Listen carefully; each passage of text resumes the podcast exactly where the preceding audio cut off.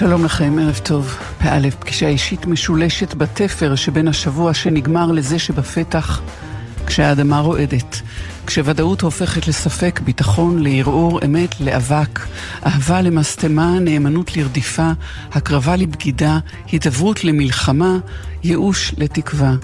באלף פגישה אישית משולשת כחום הימים והלילות האלה בארץ רותחת אשר כולם אוהביה כואביה.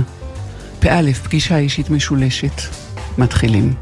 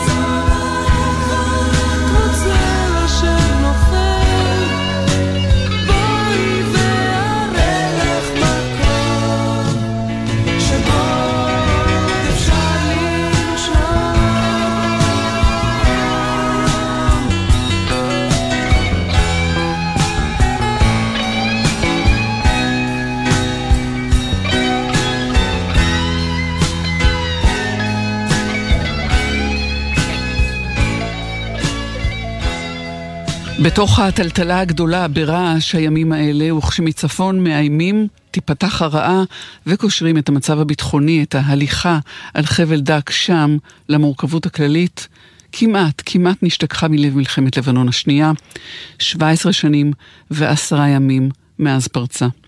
שלום לך זיו נבון. שלום טני. אתה ראש תחום הטיפול בעמותת לא מפקירים פצועים בשטח. אתה עובד סוציאלי מוסמך בטיפול ביצירה ובהבעה, מומחה בטיפול זוגי, מיני, משפחתי. אה, בן 39, ובמלחמת לבנון השנייה חזרת מחופשה ארוכה בחו"ל אל תוך המלחמה, וחזרת משם אחר, זיו. הייתי על החוף בג'מייקה, כשהמלחמה התחילה. אה, נהניתי מהגלים של הים, וככה קיבלנו חדשות ש... שהתחילה מלחמה, וממש באותו יום בערב גם גיליתי שחבר שלי נהרג. אה, אני החלטתי מיד מיד לאסוף את הדברים שלי, ושלושה ימים אחרי זה כבר הייתי, כבר הייתי בדרך ללבנון. הטלטלה הגדולה הזאת, המעבר מהחופים של ג'מייקה להרים היפים, יש להגיד, של לבנון, אבל המפחידים גם מאוד, ומהשקט והמנוחה של חופשה למלחמה, אה, זה משהו שבאמת השאיר עליי חותם, ובמידה רבה הכתיב את, את המשך החיים שלי. כשהחלטת לחזור, היו שניסו להניע אותך מכך, זה היה נראה די מטורף. נכון, נכון, עד הרגע האחרון. אני ממש עד הרגע האחרון, כבר גם כשהייתי בארץ, אז, אה, אז אה, אנשים ניסו, ניסו למצוא סיבות למה לא כדאי, ולמה, אה, ולמה עדיף, עדיף, עדיף לא ללכת למלחמה הזאת. הייתה תחושה כללית בארץ שמשהו לא טוב קורה שם, ובאמת, זו תחושה גם, אני חושב, שהייתה לרוב החיילים. הייתה תחושה שאנחנו לא מספיק מאומנים, לא מספיק מאורגנים. לא מספיק מסודרים, שאין לנו מספיק ציוד. אה, והחוויה הזאת עברה, אני חושב, צריך לזכור, זה ימים ש... ימים שהתחילה התקשורת המיידית הזאת, המדיה, האינטרנט, ה... אה, ו... ו... וכל מה שקרה שם, אנחנו ידענו מיד, וגם אתם, גם מי שהיה בארץ ידע. מה אמר הקול הזה בתוכך שהביא אותך בכל זאת קודם לעלות על מטוס, ואז כשאתה בארץ באמת להגיע תוך שעות ולהצטרף ללחימה? אה, אני חושב שהמילה ציונות הפכה להיות אה, מילה גסה. אה, ואני לא, לא מתבייש בה, אני חושב שזה גם הרבה מהעשייה שלי היום קשורה לציונות. באמת, משהו של אהבת הארץ, אמונה בארץ, אמונה בצדקת הדרך שלנו. זה הארץ או החברים? גם לחברים, המון לחברים. המון הבנה ש... שהאנשים האלה הם... האחים האלה שלך הם אחים שלך בכל מקרה ובכל מצב. אה, ואני שובצתי ליחידה אחרת, אני לא שובצתי ליחידה שלי, אה, אבל זה לא שינה, כי אחרי 20-25 דקות ביחד, הם כבר נהיו אחים שלי. כשאתה נלחם ביחד, קורה משהו, ההלחמה היא מיידית. עכשיו נחזור אל השירות הצבאי שלך. התגייסת ב-2002 לצנחנים. ויצאת לקורס חופשים צבאיים, אתה מעיד על עצמך שלא היית צנחן קלאסי, מה זה אומר? אני מטר שישי וקצת, אה, מגרד את המטר שישי מלמטה, שמנמן, לא בדיוק, אה, אה, לא טחול עיניים ובלונדיני, ובאמת הייתי הכי קטן. רצתי, לא רצתי הכי מהר, ולא הייתי... לא הייתי הלוחם הכי טוב, הקלה הכי טוב, אבל הצלחתי להתבלט בחופשות, בלטפל באנשים, ולהיות שם בשבילם. להיות חובש זה יותר מ... זה יותר מלטפל ב... זה יותר מלחבוש. לפעמים צריך אה, לחבוש את הלב, לפעמים אנשים פשוט צריכים מישהו לדבר איתו, לפעמים צריכים שיחה. דווקא שם, במקום הכי קשוח ובמקום הכי אה, גברי, אז שם גיליתי את המקומות הרגשיים, את, ה, את, ה, את היכולת לדבר עם אנשים, לחבר אנשים, להיות שם בשביל אלה שצריכים אותך יותר, וגם לחבוש, גם uh, לטפל פיזית. Uh, uh, וזה משהו ש... איתו צמחתי והתפתחתי. אני תמיד אומר שעל, ה... שעל המדים של הצנחנים יש גם את הכנפי צמיחה וגם את הסיכת uh, סוף מסלול, אבל הסיכה שתמיד הכי הייתי גאה בה זה הסיכה הקטנה וה... מצ'וקמקת אפשר להגיד של החובש. אני באופן אישי במלחמה, אני זוכר רק, אני עצמי רק מטפל באנשים. אני לא הראיתי כדור אחד. אני רצתי ממטופל למטופל, מחילוץ לחילוץ, אה, מטנק לטנק, מניתוח חירום לניתוח חירום. זה היה המלחמה בשבילי. וקצת כמו, קצת כמו אמבולנס של איש אחד, אני, תחשבי שאני קצת הגלגל והאפות חובש הוא עושה אותך עוד יותר עגול וככה היו צוחקים שהנה האמבולנס בא. Mm. כי כשיורם פצצות מרגמה אז כולם נשכבים. אבל אני רצתי לחפש פצועים. ואיפשהו שם, בנקודת זמן הזאת, כשיצאנו מהמלחמה, ושהיה צריך לאבד את החוויות האלה, מי, ש, מי שהיה במלחמת לבנון השנייה ממש, אני פוגש היום הרבה חברים שהיו במלחמת לבנון השנייה, והחוויה הזאת מאוד נצרבה, כמו גם אצלי, החוויה הזאת שמביאים קב"נים, שנותנים לך למלא דף, לנטר את המצב שלך. וזה חוויה שהטריפה אותי, פשוט הטריפה את הדעת, שאנשים יוצאים מלחימה, אה, מאירוע אולי הקשה ביותר בחיים שלהם. ומקבלים דף. אבל uh, בשלב הזה עוד לא עשיתי איזה שינויים משמעותיים בחיים שלי. המשכתי לעבוד בביטחון, uh, והמשכתי לטפל, ו... אבל המשהו שם כבר נצרב לי בתודעה. וגם חוויה שלא קשורה לשירות הצבאי, אבל מתחברת לזה, היא החוויה שלך, של אובדן אחיך שנפצע. אה, בתאונת דרכים, וגם אחרי שישה חודשים אה, הלך לעולמו, אבל דרך העבודה שלך במרכזים למניעת אלימות, טיפול בגברים, הבנת שמאיפה האלימות הזאת באה? רבים מהם נושאים איתם טראומה שקשורה לשירות הצבאי. אני זיהיתי במרכזים הטיפוליים האלה שבהם עבדתי, באמת, אה, הנה הוא מגולני, הוא מצנחנים, הוא ממג"ב, הוא היה נהג, אבל הוא היה נהג, אה, נהג תובלתית בלבנון אה, והעביר גופות כל היום. ואתה מבין שיש איזה חוסר, אה, יש איזה תת-אבחון, יש איזה חוסר הבנה למשמעות שכמה הפוסט-טראומה היא חלק מאוד משמעותי מהחברה הישראלית. כמה הפוסט-טראומה על רקע צבאי היא מכתיבה של מה שקורה פה. ומכתיבה את הטון בהרבה דברים. ואתה מזהה גם אה, שלפוסט-טראומה הזאת יש, יש איזו אה, תנועה מעגלית, שבצד אחד זה באמת האלימות הקשה, בצד השני זה עצב נורא עמוק. כמובן שהשאלה אוקיי. שעולה מזה, איך מטפלים בזה, והנה אנחנו חוזרים אל עמותת לא מפקירים פצועים בשטח. חשוב לציין שלא כל גבר אלים הוא פוסט-טראומה, וודאי וודאי שלא כל בן אדם עם פוסט-טראומה על רקע צבאי הוא גבר אלים. רק זו הבחנה קטנה שנותנת דוגמה אמ, מהי, מהי פוסט-טראומה וכמה היא משפיעה בחברה שלנו וכמה היא חלק משמעותי. אני בטוח שגם אם נבדוק אה, מכורים, נגלה שחלק גדול מהם פוסט-טראומה על רקע צבאי, ואם נבדוק אה, אה, דרי רחוב, אני תמיד אוהב להגיד שבישראל, כשבוחנים הומלס, סופרים את תל אביב, אבל לא סופרים אנשים שגרים עם אוהל בערים. כי בן אדם שגר באוהל במדבר יהודה הוא נחשב מטייל או, או נווד אבל לא סופרים אותו ולא מבינים באמת כמה, כמה אנשים באמת יש שסובלים מפוסט-טראומה וכמה אנשים באמת אה, מושפעים מהדבר הזה וכמה מהם באמת היו ביחידות לוחמות וכמה מהם היו בשטח או תומכות לחימה. ומה... אה, עוד לא התחלתי לדבר על הבנות שהן צריכות לעבור עוד מחסום. שנשים שהיו בתפקידי לחימה או בתפקידי תמיכת לחימה רק מתחילות להגיע אלינו לעמותה. כן. רק מתחילות להבין שמותר להן. בעצם התפיסה שלנו שטיפול הוא צריך להינתן אה, כחלק מקהילה. אה, אנחנו הבנו ש...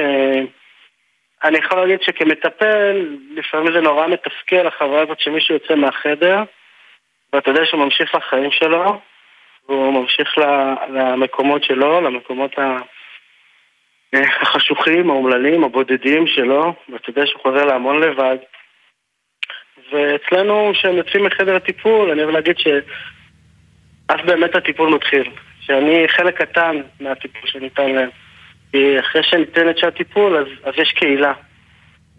יש קהילה של אנשים שהם חוו מה שאתה חווית, והם מבינים את האשמה והבושה, ואת ה... את ה... מה זה להיות פוסט-טראומטי, ו... והם שם לצדך. שם אה, חלק... שותים איתך כוס קפה, או נכנסים איתך ליוגה, או עושים איתך גינון טיפולי, או, או, או סתם, סתם בחיים בחיים שלך. אה, ופתאום הוועדה היא פחות מפחידה, ועדה שמדובר עליה רבות, הוועדות לקבלת אחוזים, או אה, עבודות להכרה, שהן נחשבות מאוד מאוד קשות, ופתאום זה פחות קשה ויותר נסבל. אה, ופתאום המריבים עם האישה, אתה מבין שאתה לא היחיד שסובל מהם. ופתאום הייאוש פשוט נעשה יותר נוח. אנשים חווים שינוי כל כך משמעותי שבאמת הם חלק מקהילה. יש סיום, יש קו שאפשר למתוח בסוף תהליך כזה? כשמדברים על, אה, על החלמה, אני אוהב לדבר על לחבק את הטראומה. אני לא רוצה לדבר במושגים של החלמה או טראומה שנעלמת או טראומה שנפטרת. אני רוצה לדבר במושגים של אה, הפוסט-טראומה זה ענף אחד מהעץ שלי, זה לא כל העץ, וגם ענפים הפחות, אה, ענפים שאני פחות אוהב, אני לומד לאהוב ולחבק אותם, ולהבין שזה העץ שלי. האם מטפל או מטפלת, והזכרת נשים לוחמות, או נשים שנושאות uh, את הצלקות האלה, האם הוא יהיה מטפל טוב יותר אם הוא עצמו מצוי בתוך החיבוק הזה? אה, אה, אני אגיד לך משהו. שאחד המטופלים אמר לי שהוא הוריד את המדים של הצבא, אבל הוא שם את החולצה של העמותה שלנו, אז הוא מרגיש שיש לו מדים. אמ, אז במידה מסוימת, אני לא יודע אם הם מרגישים את זה, אבל אני גם מרגיש שלשים את החולצה של העמותה, בשבילי זה גם קצת לשים מדים. טיפול כזה הוא מאוד יקר, ואנחנו נותנים אותו לגמרי בחינם. כרגע אנחנו באיזה קמפיין וגיוס, אה, כי אנחנו באמת, אה, העומס הוא גדול. אבל עם זה שהעומס הוא גדול, אני קורא לכל גבר ואישה שרוצים את העזרה שלנו, לא להמתין, ליצור קשר, לטפל בפוסט-טראומה שלכם. אה, יש אנשים שמוכנים לעזור, לא צריך לפחד, ואנחנו כאן בשבילכם. זיו נבון, ראש תחום הטיפול בעמותת לא מפקירים פצועים בשטח. תודה שדיברת איתנו, תודה על העבודה שאתם עושים. שלום. תודה לך, תודה רבה.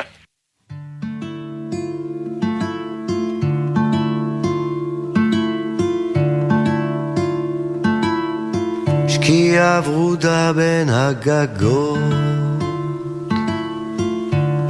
אספלט כחול מלמטה, עיני נשים נוגות, נוגות, אומרות לערב למבטה. הפנסים פרחי העיר מלבלבים באור ניחוח, אביב חשמל עצור בהיר, משיכרונו אסור לברוח. רק יתום ורק תמים, נולד לרגע ואיננו. בין הלילות והימים הוא בא לזרוח בינינו. בין הימים והלילות לנעות מראה כחולים נלך נא נשמותינו הבלות שם דשא עשב תלככנה נפנוף שלום ילדה פתיה. את חיוכה נשא האוטו. מה שהיה ולא היה נדמה כמו ישוב להיות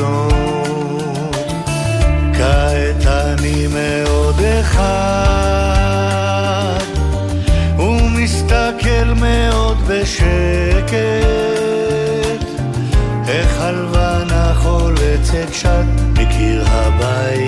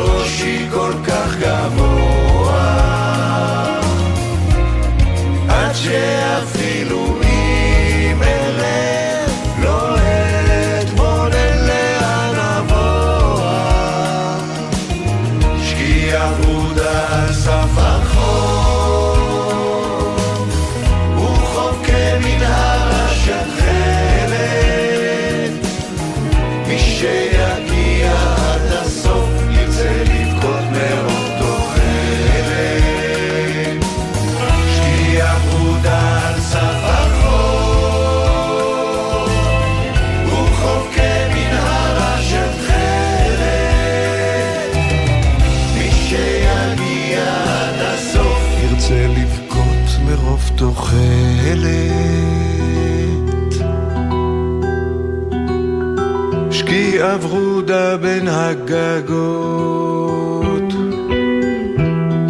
אספלט כחול מלמטה, עיני נשים נוגות, נוגות, אומרות לערב למבטה. נועה ברנס, כתבתנו בירושלים, שלום לך. ערב טוב, אה, ערב אה, של יום ארוך שהתחיל אצלך כשהחלה הצעדה לירושלים ונמשך עכשיו בערב הזה בירושלים, מפיל לנו את אה, מוקדי המחאה בבירה כרגע, נועה. כן, טלי, בעצם אנחנו נמצאים כרגע במוקד המרכזי, הרחבה שבין הכנסת לבית המשפט העליון בירושלים. ברבבות, בעזרות מפגינים. רובם הגדול צעד לכאן, השתתף בצעדה, בעצם יצאו היום ממושב שורש והמשיכו בדרך לכאן, בדרך, הגיעו לכאן באמת עשרות אלפי אנשים, רבים גם ירושלמים שיצאו מהבית והצטרפו אליהם כאן על הבמה בשעה שמונה וחצי, ממש בעוד כמה דקות, יתחילו הנאומים המרכזיים, מובילי המחאות נמצאים כאן והם צריכים לנאום. משה רדמן, מחאת הייטקיסטים, שכבר רכר הייתה כאן קודם והיא ממשיכה מכאן לקפלן בתל אביב. מוקדים נוספים בירושלים הערב, אז יש לנו ברחוב הזה ליד בית ראש הממשלה, כבר נמצאים שם מאות מפגינים ומתאספים שם עוד ועוד שמתכננים גם הם להגיע לכאן, והכנסת בסוף כל הצעדות, כל ההפגנות השונות יגיעו לכאן, מחאת הסטודנטים במוקד נוסף בכיכר פריז, גם הם בסופו של דבר יגיעו לכאן לכנסת, ודבר נוסף וחשוב שקורה עכשיו בירושלים, בעצם כל המחאה הזאת, כל הצעדה המטרה שלה בסופו של דבר הייתה להגיע לכאן למחאה מרכזית ולהקים עיר אוהלים סמוך לעיר אוהלים בגן סאקר וכאן על הבמה ראשי רזמן, מוביל מחאת הייטקיסטים אמר שהוא בעצם מתכוון להישאר כאן, להישאר בעיר האוהלים שהם בונים עד שהחקיקה תיפסק הם הזמינו את כל הקהל שנמצא כאן להגיע לאוהלים, לישון פה בירושלים לפחות היום ומחר בעצם ראשון ושני יותר נכון ובאמת להימשך חקיקה ומשה רזמן נשאר כאן מבחינתו עד שהחקיקה תיפסק. נועה ברנס, איזה אמצעים נוקטת המשטרה בירושלים, בעיקר סביב הכנסת?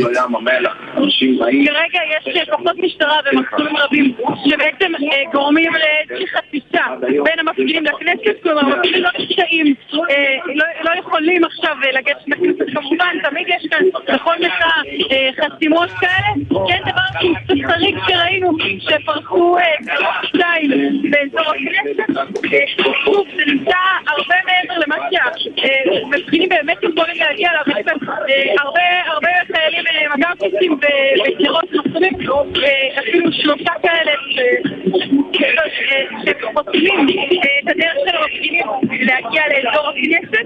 הבמה נמצאת בין קצת יותר משרד החוץ, משרד הכלכלה, כולם כאן נמצאים בכל ובסופו של דבר אין אישה לכנסת המפגינים, אין שטח גם להגיע לשם, אבל כן, יש מלא, המון שוטרים שחושבים את הדרך. נועה ברנס, תמשיכי בדרכך הטובה ושמרי על עצמך, תודה רבה לך. מירושלים, ומכאן אנחנו, שלום שלום אנחנו, מכאן אנחנו עוברים אליך גל ג'רסי, כתבנו שנמצא כעת בקפלן בתל אביב, מוקד נוסף וגדול גם הלילה הזה, גל.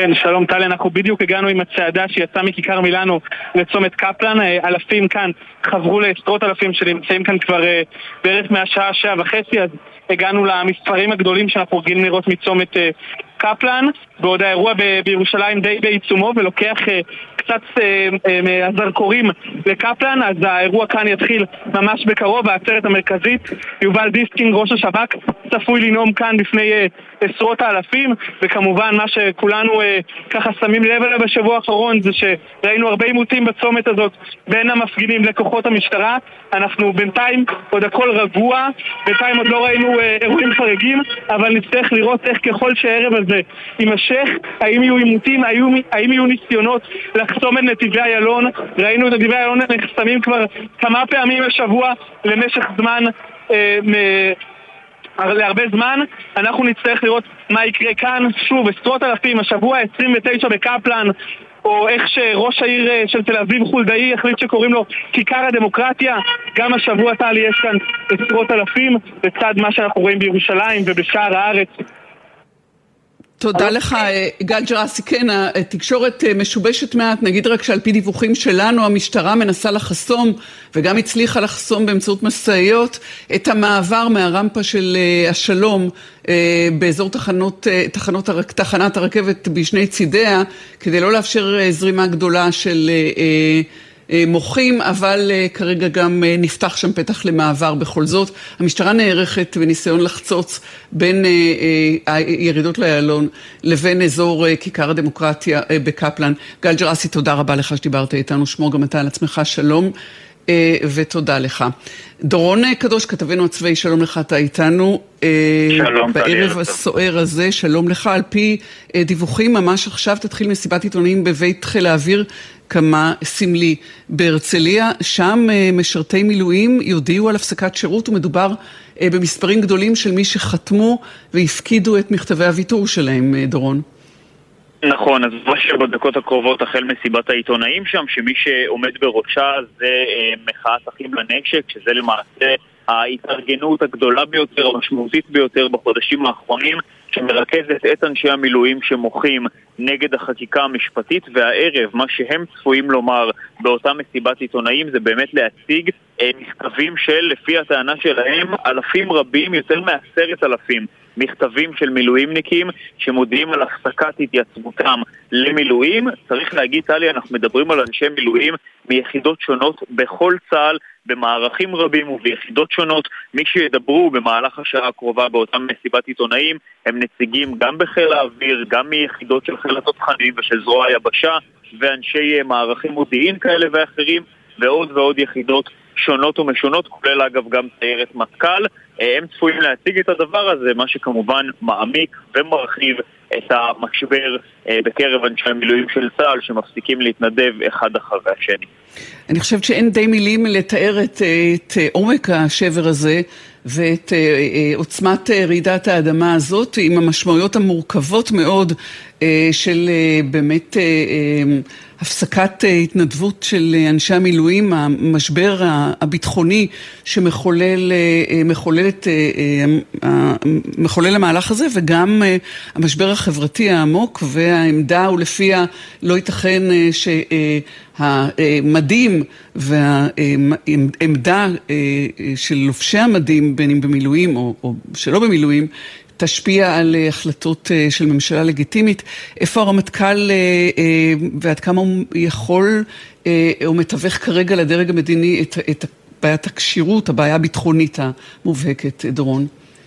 כן, אז תראי, באמת צריך להגיד שהרמטכ"ל הרצי הלוי, הקו שהוא נוקט ושאותו הוא בוחר במהלך השבועות האחרונים ובעיקר הימים האחרונים, זה לשמור על קו שבו הוא פחות בולט בתקשורת, זאת אומרת פחות אמירות לציבור באופן פומבי ויותר אמירות בחדרי חדרים, גם אל מול אנשי המילואים עצמם, שאיתם כמובן נפגשים בצה"ל כל הזמן ומנהלים איתם שיחות כל הזמן, דרך צירי הפיקוד, וגם אל מול הדרג המדיני, כי בסופו של דבר הרמטכ"ל רואה את האחריות שלו קודם כל לתווך לדרג המדיני ולומר לו מה הכשירות של מערכי הצבא השונים נכון לעכשיו, או מה הצפי בנוגע לדבר הזה. כן צריך להגיד שהאמירה בשלב הזה באופן עקרוני היא שבשלב הזה בינתיים צה"ל כשיר למלחמה ועדיין אין פגיעה בכשירות, אבל החשש הוא חשש ממשי מאוד ומשמעותי מאוד שכבר בימים הקרובים אנחנו נתחיל לראות פגיעה בכשירות של צה"ל, כשאנחנו מדברים קודם כל על חיל האוויר כמובן, על יחידותיו השונות ומערכיו השונים, וגם מערכים מסוימים באגף המודיעין, אבל כן בחיל האוויר המשבר הוא הגדול ביותר והטלטלה היא הגדולה ביותר, מאחר שהוא מבוסס באופן העמוק ביותר על אנשי המילואים שלו, וברגע שאנחנו כבר מדברים על 1,194 אנשי מילואים, המספר הזה יתעדכן רק הערב, שהתווספו אליו 50 אנשים נוספים, ברגע שהמספרים שם הם כל כך גדולים והם מודיעים על הפסקת ההתנדבות שלהם כבר בשלב הזה באופן מיידי, שם אנחנו מדברים על כך שבכל יום שעובר זה עוד פגיעה קטנה בכשירות של חיל האוויר ולטווח של השבועות והחודשים הקרובים אנחנו מדברים על פגיעה משמעותית וקשה ביותר כן צריך להגיד שהאמירה מצד הצבא ומצד חיל האוויר בעניין הזה היא שכמובן פגיעה בכשירות היא דבר שמתחיל כבר מהיום הראשון. מהיום הראשון שבו מפסיקים כמות כזו גדולה וקריטית של אנשי מילואים להתנדב, אז מתחילים לראות פגיעה בכשירות. זה עדיין לא אומר שחיל האוויר לא כשיר למלחמה, אבל זו בהחלט עשויה להיות האמירה בעוד שבועות או חודשים ספורים אם המשבר הזה יימשך ואותם אנשי מילואים ימשיכו אה, לא להתנדב לשירות.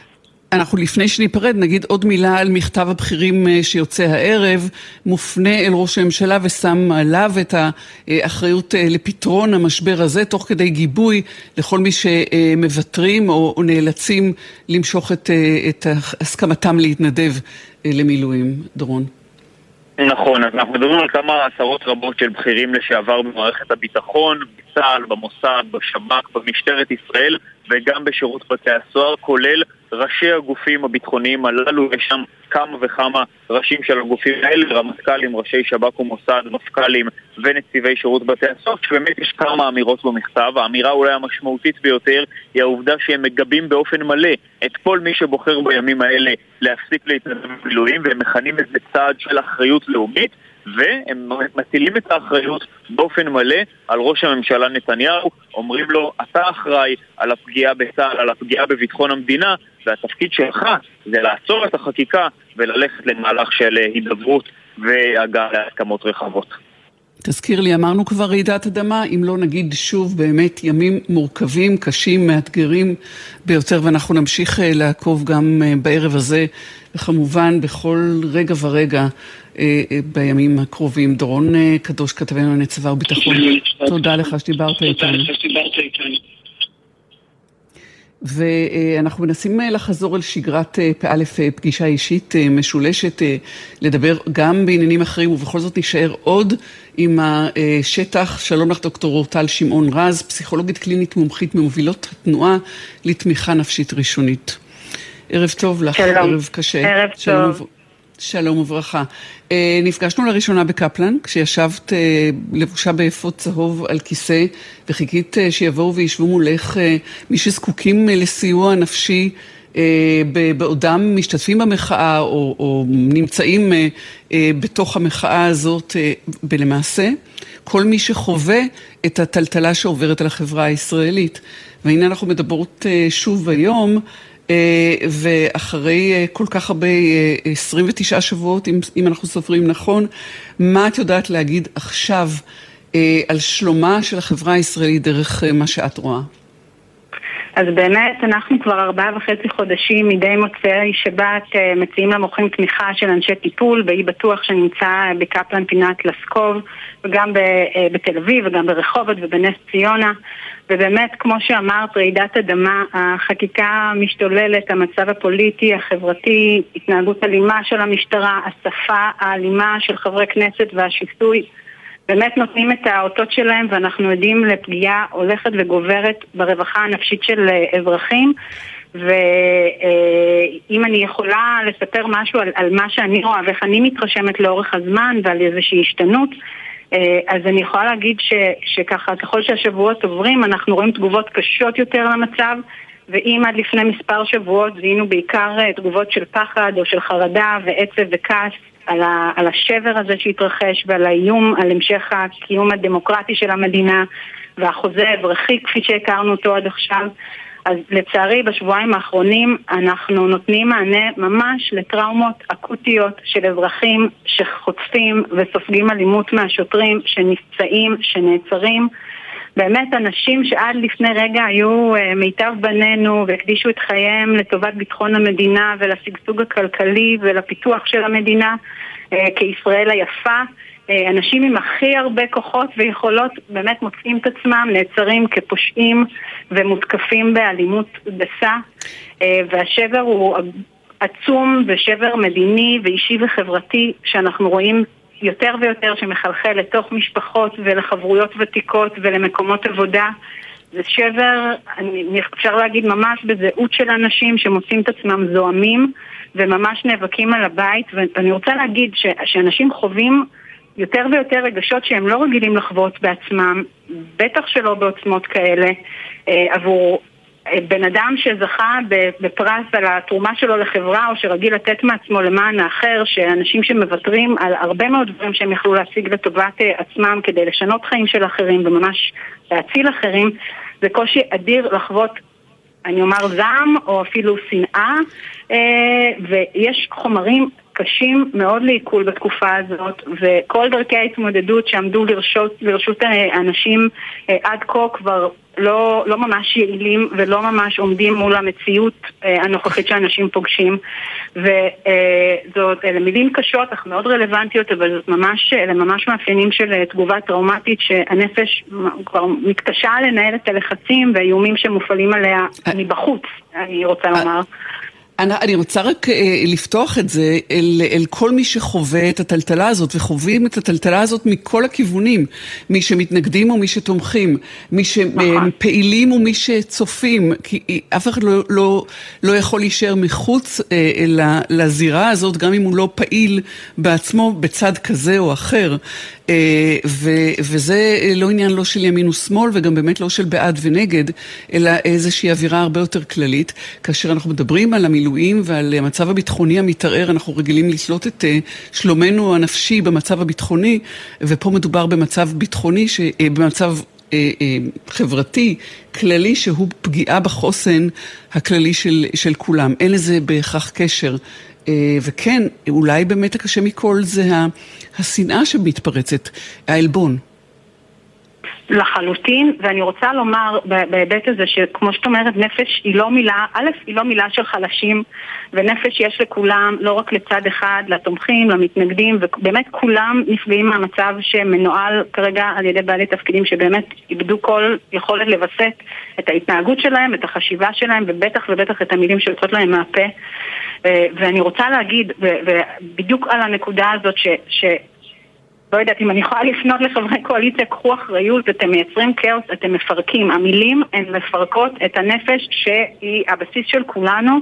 את יודעת שיגידו לך שבאותה מידה יש לפנות גם למוחים שיקחו אחריות וינמיכו להבות, אה, משום אותה תחושה של אה, חוסר ביטחון אה, וטלטלה שאוחזת סביב הפעילות הזאת בחוץ. אז אני רוצה לומר משהו, וזה דבר שמאוד חשוב לי להדגיש, הפעולה או ההתנהגות של המוחים כרגע היא תגובתית למצב, וכמו שאמרתי מקודם, אלה לא אנשים שמורגלים בעצמם אה, לחוות את העוצמות האלה, או את הכעס, או את השנאה, ואלה אנשים שמתעלים, אוקיי, גם את ה... אה, בואו נגיד בשפה הפסיכולוגית, הדחפים האלה שלהם בדרך כלל במקומות מאוד יצרניים וטובים לטובת המדינה. אה, ואנחנו רואים את זה גם בתוך המחאה, את היצירתיות ואת האקטיביזם ואת ה, את ה, את השמירה על הערכים, אה, אבל זה, זה באמת, זאת כרגע תגובה קשה, גם מי שיגיד לגבי המוחים, למציאות עוד יותר קשה, אוקיי? אה, אז אני, אני חושבת שזאת ככה התגובה שלי. ואני אגיד, הדבר הבסיסי אה, שנפגע פה, אני חושבת, זה האמון. אה, אנחנו מדברים על ביטחון, אבל ביטחון ואמון הם, הם בטח הולכים ביחד, ואנשים איבדו פה, אה, בצדק, את האמון, ומסתכלים למעלה ואין על מי לסמוך. כן, אה, אנחנו, אנחנו צריכות אה, להיפרד משום שרצינו לדבר יותר, אבל הכנסנו את הדיווחים שהם מן השטח והם מתחברים ישירות אל מה שאנחנו מדברות בו. אז אולי נסכם במה שמחר יקרה בבוקר, איזשהו מפגש שיוצא מהכותל והולך אל הכנסת, של חבורה מאוד גדולה, בתוכה גם שקמה ברסלר ואחרים מן המוחים, יחד עם גורמים נוספים אה, מהצד השני של הקשת, לא של המתרס, נאמר כך, בניסיון להידברות, כי בסוף... הרצון של כולם הוא להגיע אה, לאותו השקט שכולנו זקוקים לו, שהנפש זקוקה לה. זה נכון, זה נכון. אני רוצה להגיד עוד באמת מילה אחת. משפט אחרון. ברמה, ברמה ממש אישית, באמת. אני חוזרת באמת היום מכנס בינלאומי בנושא בריאות הנפש של התינוק, שכולו עוסק באיך לקדם אה, אה, את החיים. של תינוקות ולאפשר... לאפשר להם חיים אה, בטוחים וטובים ומשגשגים ואני רוצה לשלוח מסר מחזק לכל המוחים לבכם במקום הנכון, הנפש שלכם במקום הנכון. לימדו אתכם שעלבלות מוחים ושצריך לגייס את כל הכוחות. חייבות, חייבות, חייבות לסיים, לא יודעת מה, בואי תגידי את המשפט הזה עד הסוף. תמשיכו להיות יחד, באמת, תמשיכו להיות ביחד מחי סימן של בריאות נפשית, תשמרו על עצמכם, אנחנו כאן בשבילכם עד לניצחון יחד עם אנשים טובים שמובילים את זה, כמו פרופסור בועז בן דוד מרייכמן וקפלן פינת לסקוב, אנחנו כאן בשבילכם עד לניצחון. ואני אוסיף לזה שהצורך של הנפש ל... אה, להתחזק היא נכונה לכל מי שבתוך התהליך הזה. גם מי שרוצה לחוות את הניצחון מהצד שלו. הניצחון יהיה בזה שכולנו, שכולנו נצליח לעבור את זה בשלום ולהמשיך משם הלאה יחד. דוקטור אורטל שמעון רז, פסיכולוגית קלינית מומחית, תודה רבה לך שדיברת איתנו. קצת מוזיקה ונמשיך עם מה שהתחלנו בו. שלום. תודה.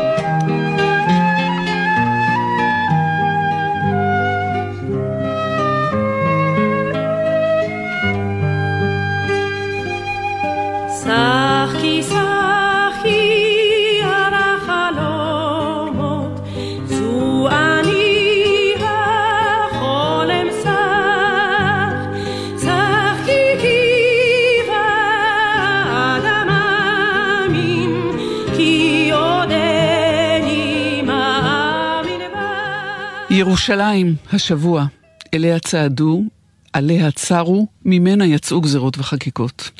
בשבוע שעבר התקיים כנס של יד בן צבי, כנס שעסק בירושלים ויחסיה עם העולם תחת הכותרת ירושלים מטבור העולם לארבע כנפות תבל ובחזרה. שלום לך, דוקטור לוטם פינצ'ובר, מרצה מן החוץ באוניברסיטת תל אביב. ערב טוב לך. שלום. את אה, דוקטור לתולדות האמנות, כשהמחקרים שלך אה, עוסקים בייצוגים של ירושלים במנזרי נשים בסקסוניה אה, של ימי הביניים, כפי שהם אה, באים לידי ביטוי באומנות ובפולחן. כשהסתכלתי על התוכנית וראיתי את הכותרת של הדברים שאת תישאי שם, תהיתי לעצמי למה ימי הביניים, למה מנזרי נשים ואיפה מקומה של ירושלים שם, באיזה אופן היא המושא, מושא החלומות של נזירות. כל אחת מהשאלות ששאלת היא שאלה שאפשר לתת הרצאה אה, בפני עצמה כתשובה. העיסוק שלי דווקא במנזרי נשים הוא מגיע הרבה מתוך החומר עצמו. כשמחפשים אזכורים של ירושלים במרחב האירופי, בימי הביניים, שזו התקופה שבה אני עוסקת, רואים שהרבה פעמים האזכורים האלה באים מקהילות של מנזרים ודווקא ממנזרי נשים. זה לא אומר שזה לא קיים בקהילות של גברים וזה לא אומר שזה לא קיים ב... אה, מחוץ למנזרים, אבל אה, יש ריבוי של אה, תופעות כאלה דווקא במנזרי נשים. ואחת הסיבות לכך, זאת ההשערה במחקר, זה תנאי המחיה הספציפיים של נשים במנזרים בימי הביניים, טרום הרפורמציה, שזה אומר תקופה שבמיוחד בשלהי ימי הביניים יש איזשהו ניסיון לאכוף הרבה מאוד הגבלות על הנזירות במה שנקרא הרפורמות המנזריות. אה, המילה רפורמה, שהיא מאוד רלוונטית לחיים שלנו כיום, אז היא גם הייתה רלוונטית במאה ה-15. היא נוצרה אה, לטובת אותן מטרות, לצורך אה, תיקון או הגבלה? גם וגם, תלוי את מי שואלים. אבל גם הרפורמות אז התקבלו במחאה גדולה של הנזירות, כי מה שזה באמת אמר זה הרבה מאוד מגבלות על החיים שלהם. וזה אומר אה, היה איזשהו אידיאל, הרצון לחזור לאיזשהו אידיאל מוקדם של נזירות שהיא אה, מאוד אה, סגורה בתוך עצמה, וזה אומר שסגרו את, את הנזירות בתוך המנזר בניסיון להגיע לאיזושהי רמה רוחנית יותר גבוהה, אבל זה בעצם אומר להגביל את הקשר שלהן עם העולם החיצון בצורה מאוד מאוד חד משמעית, גם אפילו לבנות יותר חומות מסביב למנזר, אה, להוסיף מנעולים, להוסיף דלתות, להוסיף סורגים, אה, להגביל כמה שיותר את היציאה החוצה, עד בעצם להגיע למצב של אפס, אה, אפס קשר עם העולם החיצון. למעט נשים מאוד ספציפיות, למשל אם המנזר, שהייתה יכולה לצאת מדי פעם, אבל הנזירות היו מוגבלות להישאר בתוך חלל המנזר ממש כל הזמן. וזה אומר שהן לא יכלו לצאת למשל החוצה מן המנזר אפילו לצורכי עבודה, אה, ובטח שלא לצאת למסעות של עלייה על הרגל, שהייתה מאוד מאוד נחשקת. ומשהו שדווקא אחיהן הנזירים כן יכלו לעשות. הם יכלו לצאת החוצה גם כדי לעבוד, בחקלאות למשל, וגם כדי לקושש צדקה, וגם אפילו במקרים מסוימים לצאת למסעות של עלייה על הרגל, גם לפעמים באזורים קרובים יותר למנזר, אבל גם אפילו לארץ הקודש. הנזירות לא יכלו לעשות דבר כזה. הרצון שלהם אה, להיות במקומות הקדושים הוא היה מאוד מאוד חזק, כי ירושלים היוותה אידיאל בעולם הנוצרי עבור כל מאמין ומאמינה, אה, מאז ומעולם. אבל הם לא יכלו לעשות את זה, אז הם מצאו להם דרכים אחרות לעשות את זה, וזה בדיוק הדבר שבו אני עוסקת. איך בעצם ניתן היה להגיע למקום קדוש מבלי לבקר בו באופן פיזי. כשאת מדברת על המקומות הקדושים בירושלים, אילו הם הנחשקים ביותר ושגם באים לידי ביטוי אה, ויזואלי או בייצוגים אחרים, כמו בארכיטקטורה, בפיסול, באיור, בטקסט? אה, אז באמת בכל המדיה האלה יש אה, תיאורים, ואני מדברת בראש ובראשונה על הקבר הקדוש, הקבר של ישו, שנמצא בתוך מכלול כנסיית הקבר, אבל יש אתרים נוספים, כמו הר הזיתים, המקום של העלייה השמיימה, ותחנות לאורך דרך הייסורים של ישו, אה, שהיא אביה דולורוזה היום, אבל בימי הביניים זה טיפה שונה.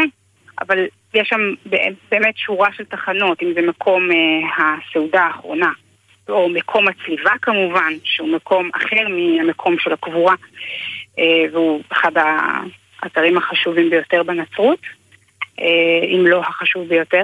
וכל אלו אה, מוצאים לעצמם תיאורים, גם בטקסטים וגם בציורים, גם בפיסול, גם בארכיטקטורה עצמה. את כל אלו אנחנו יכולים למצוא במנזרים. ואיזה תכלית זה משרת חוץ מהעיסוק כמובן והקרבה ולו גם הווירטואלית הזאת אל, אל הקדושה, זה, זה גם איזושהי דרך שבה הנזירות הכלואות שם אה, בפנים מתקשרות עם העולם שבחוץ, שהוא בעיקר ירושלים אבל לא רק, או מרחיבות דעתן. כן, זאת נקודה מאוד מאוד מעניינת, כי מצד אחד אה, זו, זו תקופה שבאמת אסור היה לזרים, לאנשים מהקהילה להיכנס לתוך המנזר, אבל ברגע שהיה בתוך המנזר למשל קפלה שמייצגת את הקבר הקדוש, היא הפכה להיות מוקד מאוד חשוב גם לקהילה שבחוץ. ואז זה אומר שהיו זמנים שהקפלה הזאת קיבלה גם מבקרים מבחוץ.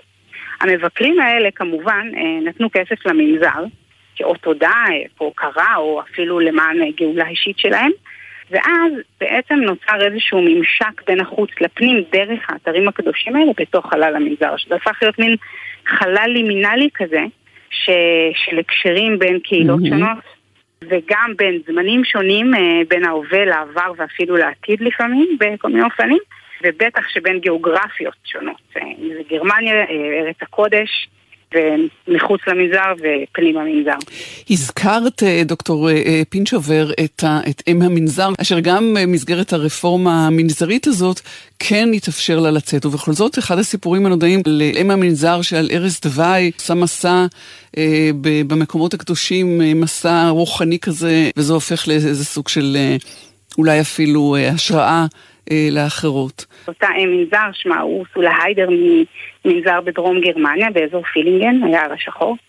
אה, היא עשתה את המסע הזה, שמתואר אה, בטקסט על ארץ דווי, כמובן עשתה אותו ברוח. זה לא מסע שהיא עשתה ברגליה, שגם כבר לא נשאו אותה וגם היא מעולם לא הייתה בארץ הקודש, אבל uh, על מנת שהיא תוכל לבקר במקומות האלה בתוך המנזר שלה, היא הפעילה הרבה מאוד אנשים שבפועל היו צריכים ללכת בשמה ובשם כל המנזר אל האפיפיור ולהשיג אה, מה שנקרא שטרי מחילה, אישור לשטרי מחילה או אינדולגנציות, שזה בעצם, אה, אפשר להגיד, הכסף של הישועה. שזה אומר בעצם איזה מין מטבעות וירטואליים כאלה ש, שנותנים לך, מקנים לך זמן שאתה יכול לקחת, אה, לשהות פחות זמן בכור המצרף, הוא הפורגטוריום, לאחר המוות. וזאת על ידי ביקור במקומות קדושים שהיא סימנה בעצמה mm-hmm. בתוך המנזר שלה. ואלו בדיוק המקומות שהיא רצתה לבקר בהם לפני המוות שלה. היא גייסה את כל הכוחות הרוחניים שהיו בה אה, כדי לעשות את הטיול האחרון הזה, וגם, אה, וגם כשהיא נפטרה היא דאגה שיקברו אותה בתוך קפלה שהיא בעצמה הקדישה להר הזיתים. אה, בתוך המנזר שלה. זה שוב משחק בין הפנים לחוץ, בין הקרוב לרחוק, בין הרוח לחומר, בין העתיד, עבר, הווה. אבל כמובן שהמטרה של כל זה היא להגיע בסופו של דבר כמה שיותר קרוב לגאולה, לישועה ולמקום הנכון ביום הדין, בעולם הבא. והתפקיד של ירושלים במטרה הזאת, בהשגת הייעוד הזה, מחזיר אותי אל השאלה הבסיסית ואל הכנס הזה של אה, אה, יד יצחק בן צבי בנושא ירושלים ויחסיה עם העולם. אה, הכוח שיש שיש לירושלים, גם אה, אה, הכוח, אה, נניח סינדרום ירושלים, שהוא, אני לא רוצה להגיד כוח להרע, אבל כוח להשתבש או לשבש. כן, אני, אני חושבת שאני פחות מתייחסת לפוטנציאל הזה, אבל בוודאי ש, שזה ישנו. זאת אומרת, אה, אפילו אחד הקורסים שנתתי בשנים האחרונות באוניברסיטת תל אביב, קראנו לו סינדרום ירושלים, כי זה באמת כוח ש, שיכול להיות גם הרסני, הוא יכול גם להוביל לאיזושהי פנטזיה אה, שיוצאת אה, ממקומה. Mm. אבל אה, דווקא בתוך המנזרים שעליהם אני מדברת, על הפנטזיה הזאת היה המון כוח של העצמה. ושל בעצם פתיחת דלתות שהיו כל הזמן נעולות, ושל פתיחת מרחב אה, שהיה סגור בפני אה, נשים שהיו אה, מאוד כלואות בעצם, וזה בעצם אפשר להם לצאת הרבה מעבר לחלל המצומצם הזה שלהם. אני אשאל על הקשר שבין ירושלים, בין אה, ישו לבין אה, נזירות שנישאות לצלב, והמשיכה אל, ה, אל הגלגול האנושי של הצלב. זאת אומרת אל ישו, כאל איזה דמות אה, אב או אירוטית או, או בן זוג, אהבה. כן, כן, זה מאוד מאוד ממשי, זה לא רק ניס, ניס, נישואין אל הצלב, זה גם נישואין ממש לישו. כשנזירה נכנסת למנזר, בטקס הקונסקרציה, או ה... לא בדיוק הכתרה, אלא טקס הכניסה למנזר, היא בעצם אה, מקיימת איזשהו טקס נישואין, שבו היא ממש מקבלת כתר, כתר שהוא כתר של כלה, והיא גם מביאה נדוניה אל המנזר. זאת אותה אנדוניה שהיא הייתה אמורה להביא לבעל אם הייתה נישאת בנישואין רגילים. מכאן גם הערגה הזאת עד שהעיניים נעצמות אל, אל אותו מושא אהבה? כן ולא, זה, זה, אפשר להסתכל על זה בתור איזשהו תחליף לעולם האמיתי, אבל תחליף שהוא בהרבה מקרים הרבה יותר טוב מהעולם האמיתי, כי מה, מה אישה בעולם האמיתי יכולה הייתה לעשות? Mm. אתה יכולה להתכנס לאיזושהי היררכיה משפחתית מאוד מאוד ברורה, שבה תפקידה היחיד היה אה, להיות בהיריון, ללדת ילדים, והיא לא יכלה להגיע להרבה מעבר לזה, בעוד שזו שנישאת לישו, אה, העולם שלה היה נפתח בעצם. להרבה יותר אפשרויות, לאיזושהי העמקה רוחנית, ללמידה שלא הייתה מתאפשרת ברוב המקרים מחוץ למנזר. אה, אבל כל הקשר הזה של ערגה אה, מתקשר גם אה, לשיר השירים שהיה מאוד מרכזי בספרות הנוצרית וקיים גם ביהדות של איזושהי אהבה שהיא באמת או אירוטית כן. בין האל לדת המאמינים. זה מאוד קיים גם בנצרות וגם ביהדות. וירושלים היא המקדש של זה, מקדש האהבה, בשביל לסכם. כן, ירושלים אפשר להגיד שהיא כן. החלל, היא, היא מה שעוטף את הכל, היא הסטינג, כן. דוקטור לוטם אה, פינשובר, מרצה מן החוץ בפקולטה לאומניות באוניברסיטת תל אביב, תודה שדיברת איתנו, נקווה לשבוע טוב, שלום רבה. לך. תודה רבה, תודה, להתראות. שלום.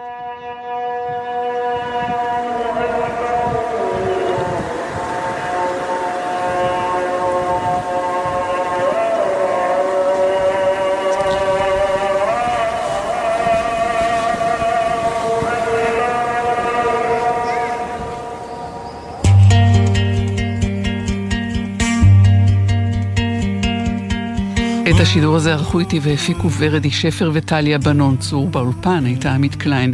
הטכנאית אלה מוטולה, בפיקוח הטכני אילן גביש.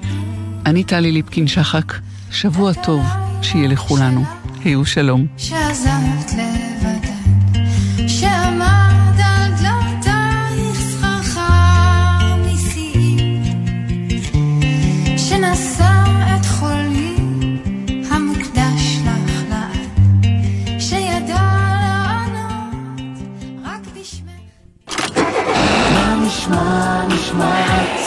השבוע, היית של החיילים